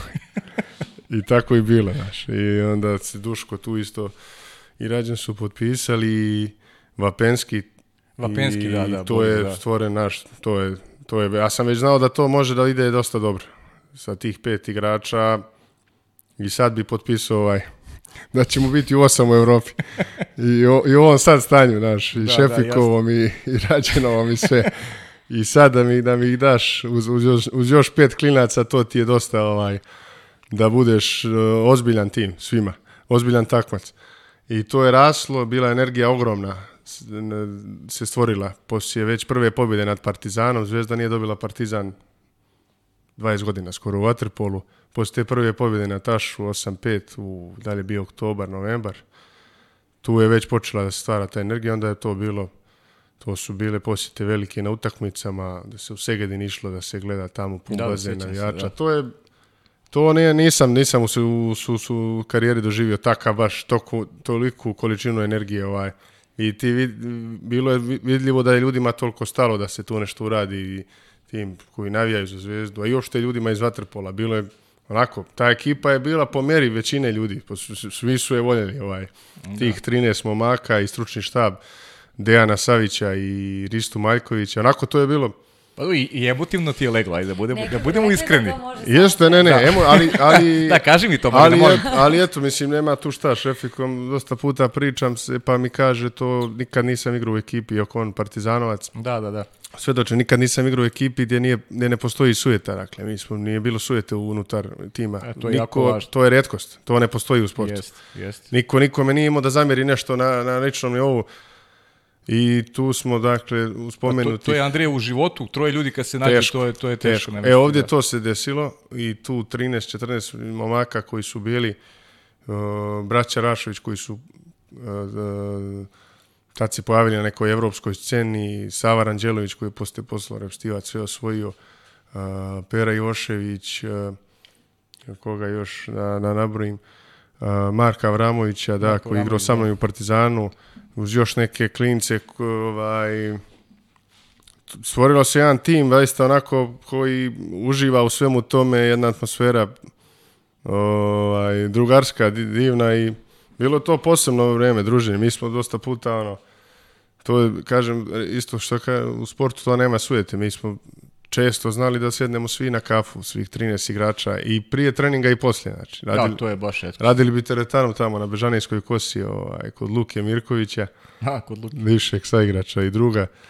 I onda bi se prešlo na bazen, ovaj, na 11. april i sad se tu išlo kolima, onda se tu parkira, pije se kafa i sad tu 10 ljudi, 12, 13 i Deki tu dođe isto s nama ova, i rista piju i onda dosta puta se nije nišlo na trening, znaš, kad se krene u priču neku, popije se Baš se iznenađe. treća kafa i dosta se treninga i preskočilo. A treniralo se dobro, jako dobro, tada u Zvezdi se treniralo, jako smo bili ovaj, u dobrom treningu, ali govori o tome koliko je bila, koliko je bila ta, koliko je tu bila da dobra, zdrava atmosfera, jedna ovaj, divna priča u mojoj karijeri. E sad neću te pitati gde je bilo najteže, gde je najljepše za život, jer smo to manje više pričali, ali nam dođeš neke anegdote iz Los Angelesa. I, i misliš iz... E, Los Angeles je omiljeno mesto za zabavu bilo. A, to ve, sam našla. Las Vegas, Las Vegas, Vegas. Vegas. Las Vegas, Las Vegas. Las Vegas. Pa, dobro, to, to su mladanačke ti ovaj. Ako hoćeš to da preskočimo, onda... Ba ne, ne mora, mislim, Ajde. bilo, bilo prošlo, sad ne bi išao ni da mi platiš. E, to je. Sad me, sad me, sad me Eto ne Eto koliko sam ja davno gledala. Da, dobro, pa da, na, ne, da, možeš da. se to naći. Bilo je tad kao klincu, naravno, no, i bio sam tri puta, čini mi se, tri puta i vidio i sad... Možda za 20 godina negdje, ako se ukaže prilika da im, ili ima promjene. To, to, ponovo. Znači, gdje, u kom sportskom smislu, gdje je Liga najteža? U Mađarska. Mađarska. Mađarska je najveća konkurencija i najviše e, klubova ima kvalitetnih, tako da eto, Mađarsko, igranje u Mađarskoj je tu najzanimljivije s igračke strane. Mada ponavljam da to bila konkurencija ko što je bila te godine 2013. je bila najjača u mojoj karijeri. Dakle, imali smo tad u Srbiji radnički koji je bio jako dobar tim, znači među najboljim u Europi, Partizan koji je učesnik Final Fora i Vojvodinu koja je bila isto jako dobra.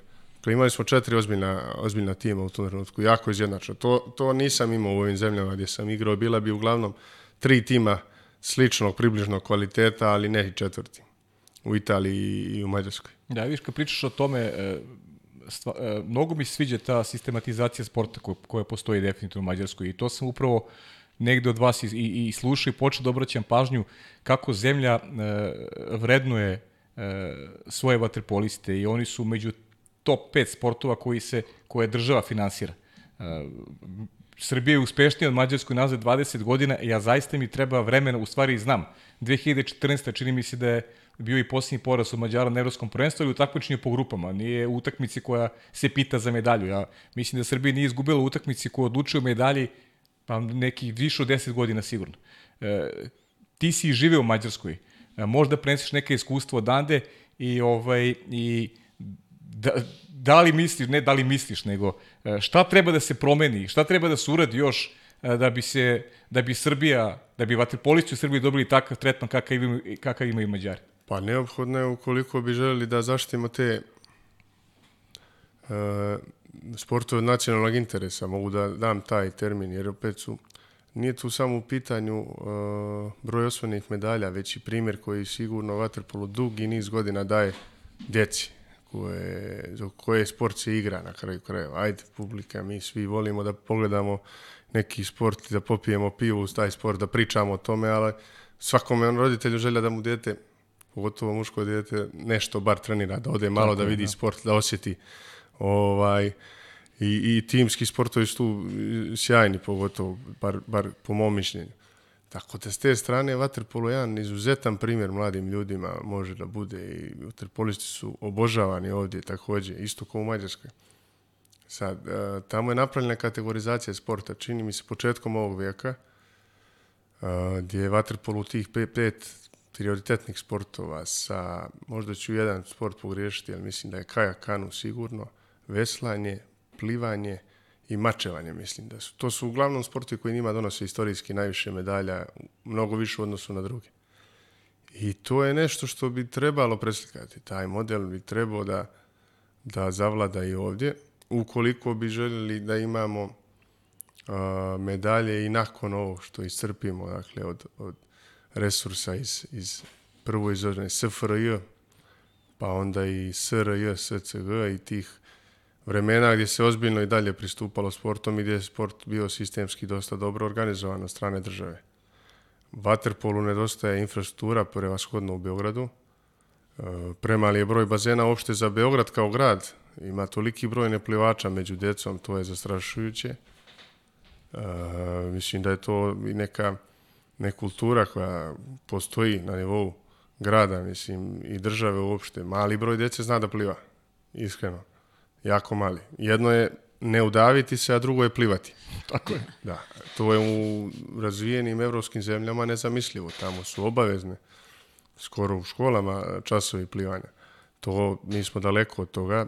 To bi bio moj savjet prvo iz tog, s tog aspekta, dakle, zdravstvenog, nekog odgoja, normalnog fizičkog odgoja djece. To je za školstvo već? Da, da. Pitanje. Iz te strane. Fali bazena u Beogradu. Bar da, tri. Da nova da budu, mislim, premalo je na 2 miliona, sam čitao da se savjetuje na 100.000 jedan bazen po Evropi, u velikim gradovima. Ovdje na 2 miliona imamo 3 ili 4 bazena zimi koja rade. Zaista premalo. premalo. A što se tiče vaterpola, je kategorizacija gdje bi vaterpolo bio uz neke sportove, vjerovatno košarku, rukome, e, košarku i odbojku istaknut kao Tako zaista je. sport od nacionalnog interesa koji Služi na ponos naciji, cijeloj državi, promociju države pravi izvanrednu na svakom e, mjestu na kugli zemaljskoj, to bi pomoglo sigurno da se finansijski obezbijede uslovi e, i za infrastrukturu i za e, vraćanje naših stručnih ljudi, dakle struke koja je po cijelom svijetu rasuta, da se vrati u zemlju. Mi ovdje mi imamo preko 20 odličnih trenera koji rade za bolje uslove na polju. Nema u Srbiji niko ne ostaje ukoliko mu se ukaže prilika više da, da, da nešto zaradi napolje i da ode da unapređuje sebe. Iz te perspektive tu je problem vaterpola za budućnost glavni. Djece ima i bit će ih uvijek. Znači, neće nestati djece. Uvijek će biti s kim da se radi. Pa da li, ali... Treba uslova, treba stručnog rada i usmjerenje sredstava koje i postoje na pravi način. Ja bih usmjerio okay. na Ja bih ih usmjerio na struku, dakle, gdje bi nekoliko centara po Srbiji trebalo da, da dobije možda pomoć na taj način, gdje će dobiti dva, tri trenera koja su trenutno po svijetu, dobiti dva, tri trenera koja bi na duže staze bili obezbeđeni s nekim ugovorom zvaničnim od, od, ili od ministarstva sporta ili od saveza gdje bi na taj način se iskazala pomoć. A to nisu veliki novci, to je ti novci odu na neke druge stvari i mm, ne, ne, ne napravi se ništa od tih stvari gde ide. Od, tako da ima dosta mogućnosti da se, da se nešto promeni, promeni i dalje. Je bar Da se zagreje bazen. E pa to da.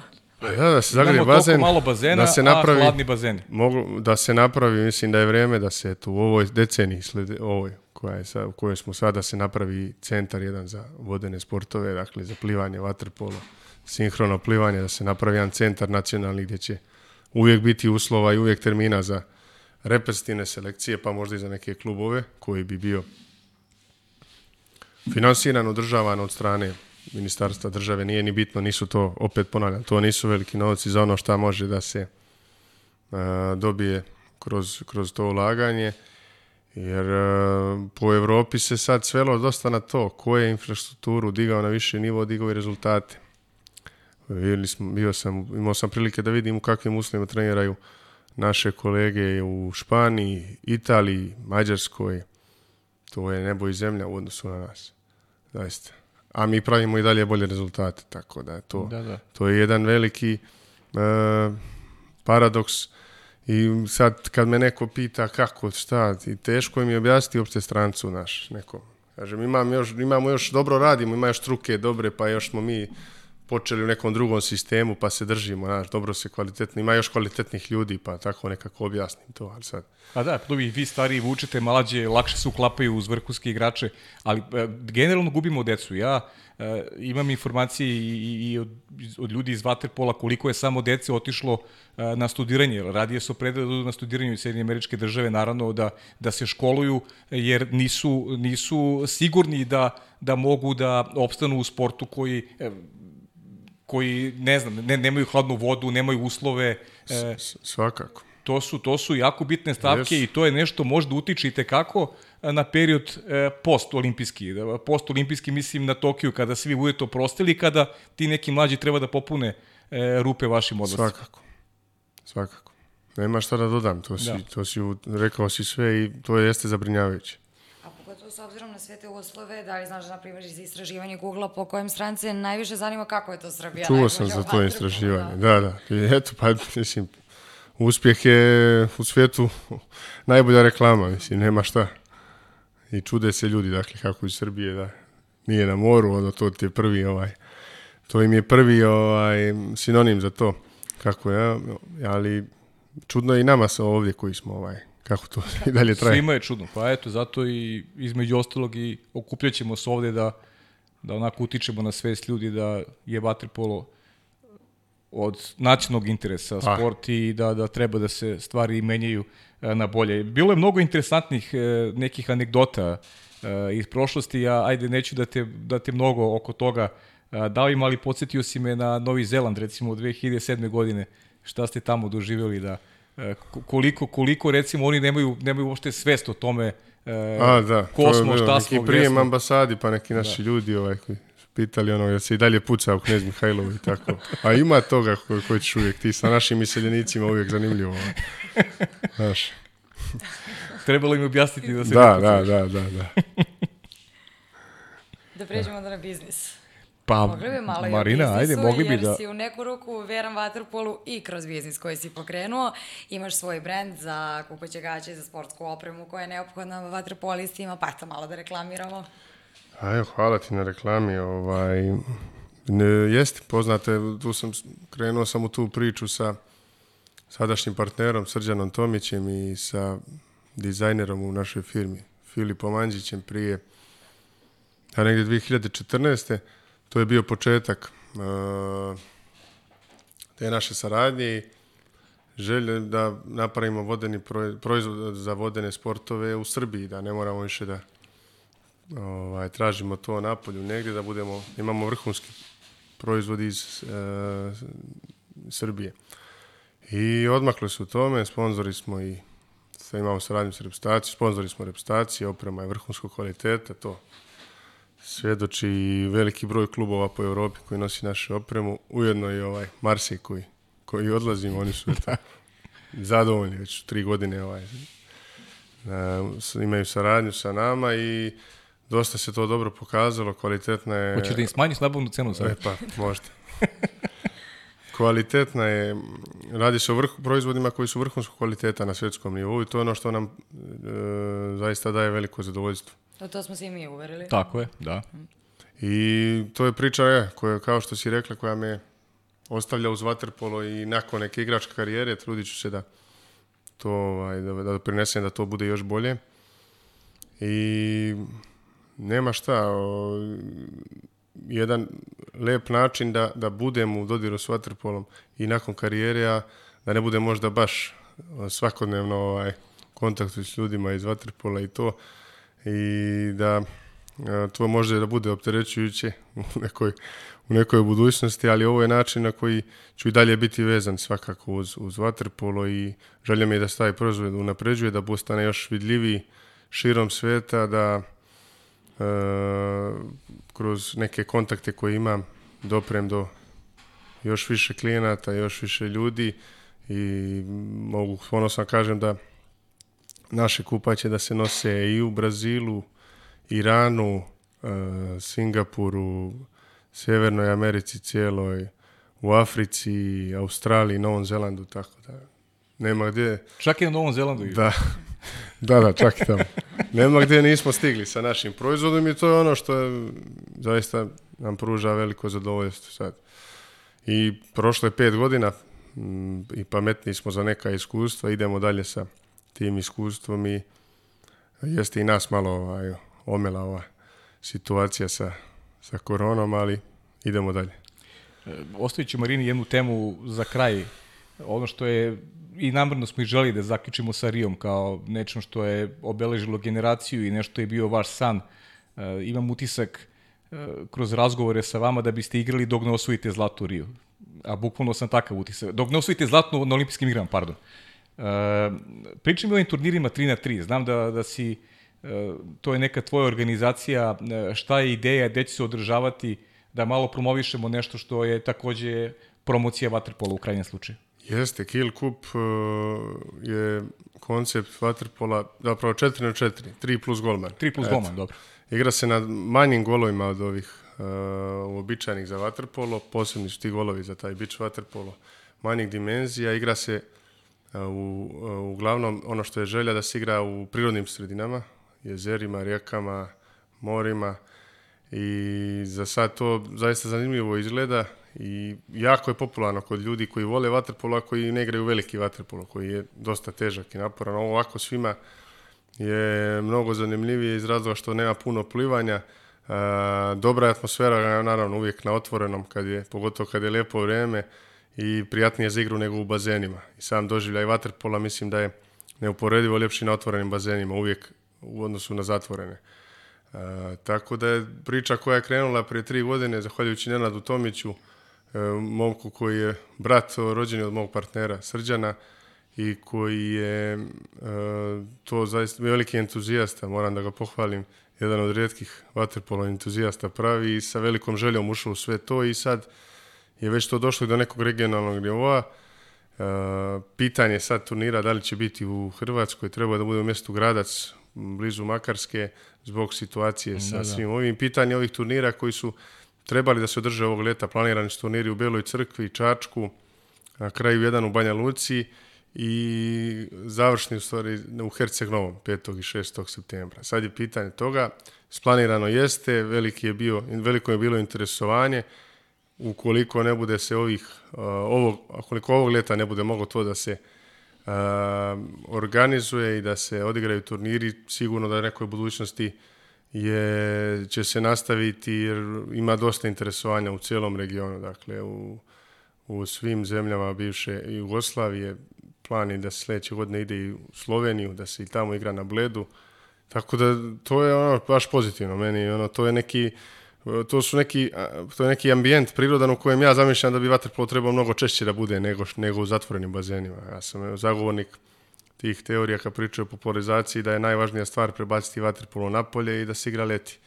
E, da. Mislim na klubske sezone. Da je to ono što bi zaista e, više privuklo ljudi na same bazene, što je uvijek bitno i što bi dalo vaterpolu jedan onako e, i prirodni ambijent. Status, da, svoj prirodni ambijent status letnjeg sporta, što jeste. Da. Što je i bio dugi niz godina do, do sve do ja mislim 90-ih. Pa igrali su te letnje da. lige i igraju se i, i dan danas. su bile mnogo više nego da. nego lige koje se igraju od septembra, oktobra do maja. Tako je, da. Andrija, verujem da smo mi tebe izumorili, ali mi toliko imamo pitanja. Ja ću za kraj samo da te zamolim da mi ispričaš priču iz Rija, jer nisam slušala iz prve ruke. Znam da je bilo problema u prvoj fazi takmičenja i verujem da ste osjećali pritisak jer vam je osvajanje olimpijskog zlata svako san. Vanja, da ne mi sliku. Da, to, to, to si ovaj... To svi znaju da je ovaj, bio pritisak taj osvajanje olimpijskog zlata i nije krenulo baš kako smo mi očekivali a ni vi i u Srbiji. Tako je. Ovaj, malo smo nervirali sve, ali evo, možda ovaj, ovo je, da, to, ovo je zadnji dan zatvaranje te čuvene kafane, ovaj, sur, šumadijski orah, tako je nazvana, ovaj, jer je vlasnik bio Vlada Radović, naš sjajni fizioterapeut iz Kragujevca i on je tu ovaj, zadužen bio za... O, on je jedan od osnivača i idejni tvorac ovaj, tog, tog mjesta. Uglavnom bi to je, gotovo na svakom takmičenju se pravi nešto tako slično, jedna uh, najveća soba gdje su uglavnom fizioterapeuti ne služi samo za terapije i masaže, već i za provo slobodnog vremena, dakle tu se ovaj, nekad nešto i popije kad je baš stresno ovaj, vrijeme turnira, ima hvala, svakom, hvala Bogu na svakom turniru tih težih trenutaka i ovaj, malo ovaj, nekog pada, psih, psihološkog i ta kafana mnogo puta nas vratila u život, zbližila, ovaj, skupila i, i dalje će to ostati praksa sigurno. Ovaj, to ćemo ostaviti u, u amanet i narednim ovim generacijama, naraštajima. E, e, znaš kaj si rekao Šefik, e, sećaš se da je, pogodio rezultat finala, znaš da ga je pogodio tač rezultat finala? Pa, rekao je, ja mislim o, da da. On ima, da on ima tu, ima da, tu percepciju. Dobit ćemo da, da. četiri da. razlike, tako, tako nešto, da, da četiri, da, pet odmah je rekao, da. da. Da, da, da. da. Ima. O, očigledno ume da, ko što je rekao za zvezdu, Zako beše za zvezdu rekao da će, ne, e, za 2009. rekao, da. da za svetsko, da. Za svetsko da, da, rekao, ima, nema, da. Neći, nema, nema ko da vas povedi. E, kaži me, ja ću, ja, ja ću još malo ipak da, da moram još neke stvari ja te pitam. Uh, Liga šampiona, menjaju se, ma, menja sistem takmičenja, pričali smo ti ja o tome, 12 e, klubova, bit će dve grupe po šest, igraće se dalje format onog Final 8-a, ili tako? Uh, I, i imamo nova pravila, nismo prosto pričali o tome. Moraš malo da mi ispričaš šta tebi, e, kako ti tumačiš nova pravila, koliko doprinose e, možda bržo igri E, afirmaciji sporta, da li je interesantnije za gledanje, da li ljudi mogu bolje e, da kapiraju ono što se dešava u vodi, jer e, priznaćeš ono što, što jeste manjkavost ljudi koji ne razumiju problematiku, kada gledaju često neke stvari ne mogu da razumeju kada su u pitanju isključenja igrača ili tako neke sitnice koje mi, koji jednostavno nikada vaterpolo nismo igrali, ne možemo baš najbolje da dokučimo. Jeste, format je novi Liga šampiona od sledeće godine, bar je planirano. Sad vidjet ćemo u odnosu na ovaj situaciju širom Evrope, da li će se to ostvariti. Planirano je da se igra u, po sistemu dvije grupe po šest, gdje bi po četiri najbolje ekipe prošle dalje na Final 8 finalni turnir. E,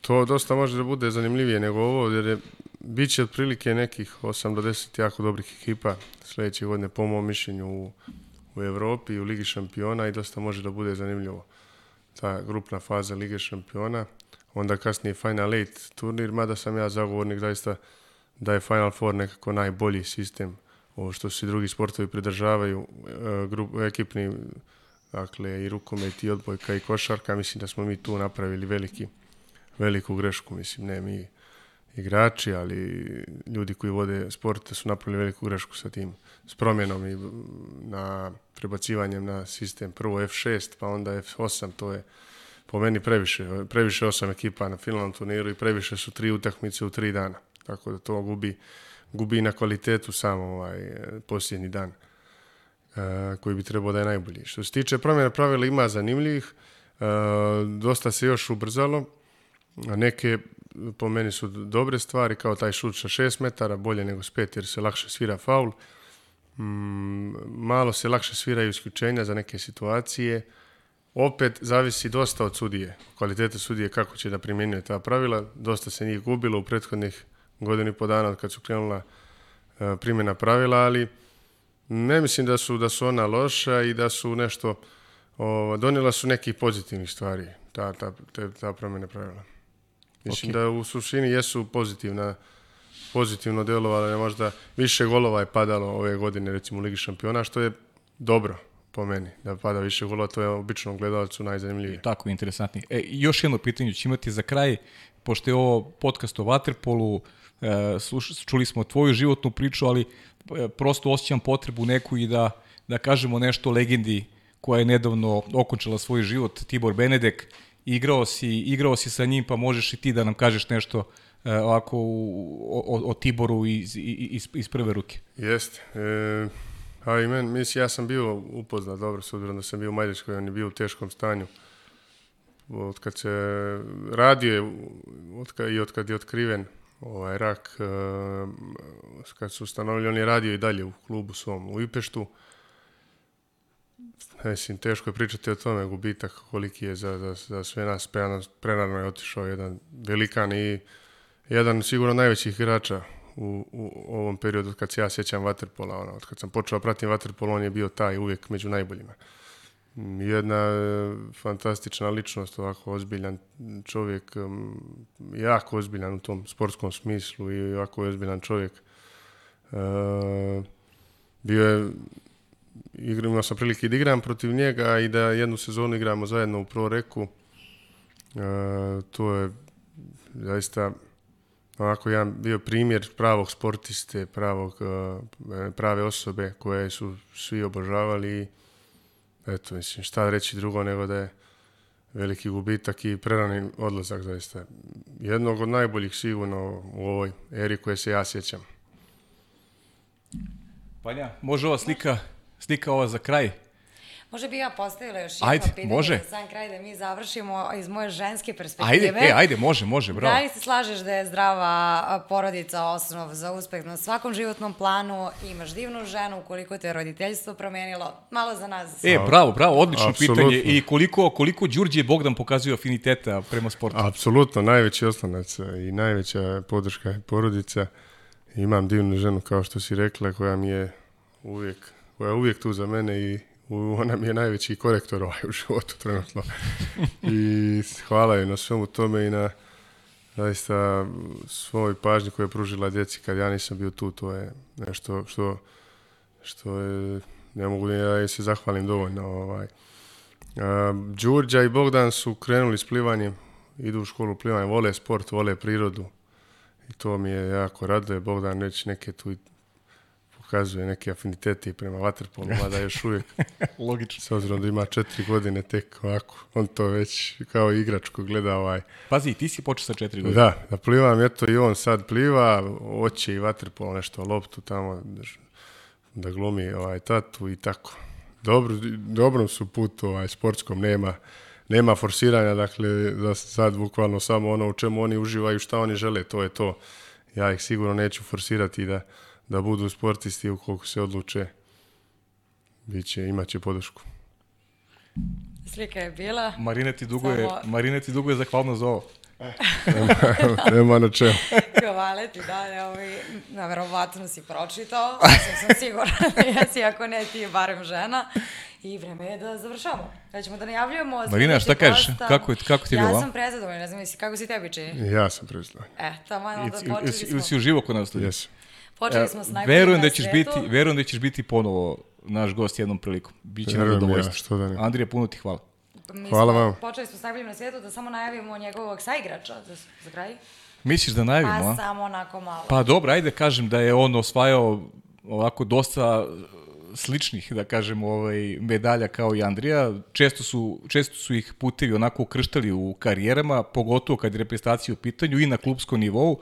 Reću samo da igra u reprezentaciji Srbije, da nosi kapicu e, broj 7 plus 1. Dosta si rekao. Da, dosta, dosta sam rekao. a sada e, lepši, mnogo lepši, e, mnogo lepši polovini ovog tandema podcasta koji se zove inače pod kapicom, pod kapicom. Pod kapicom. ime inače krstio Srđan Ercig je krstio naš podcast i hvala mu, zaista mi se dopada jer E, pod kapicama se e, kriju junaci naših priča, kriju se ne samo naših priča, nego, nego našeg okruženja, najbolji sportisti ovih prostora i još jednom ću reći, e, želimo da kroz ove, kroz ove priče afirmišemo sport koji i volimo i koji je zaslužio za vredno je poštovanje ne samo nas dvoje, nego rekao bih kompletne javnosti i radit ćemo na tome naporno da ovo bude sve bolje i bolje. A sad tebi prepuštam da odjeviš ovoj emisiji. Ja nemam šta drugo da kažem, sem da se zahvalim Andriju što je došao, jer našu emisiju počeli smo sa jednim od najboljih svih vremena i mislim da je to sjajna uvertira za sve ono što sledi, tako da ostanite uz nas.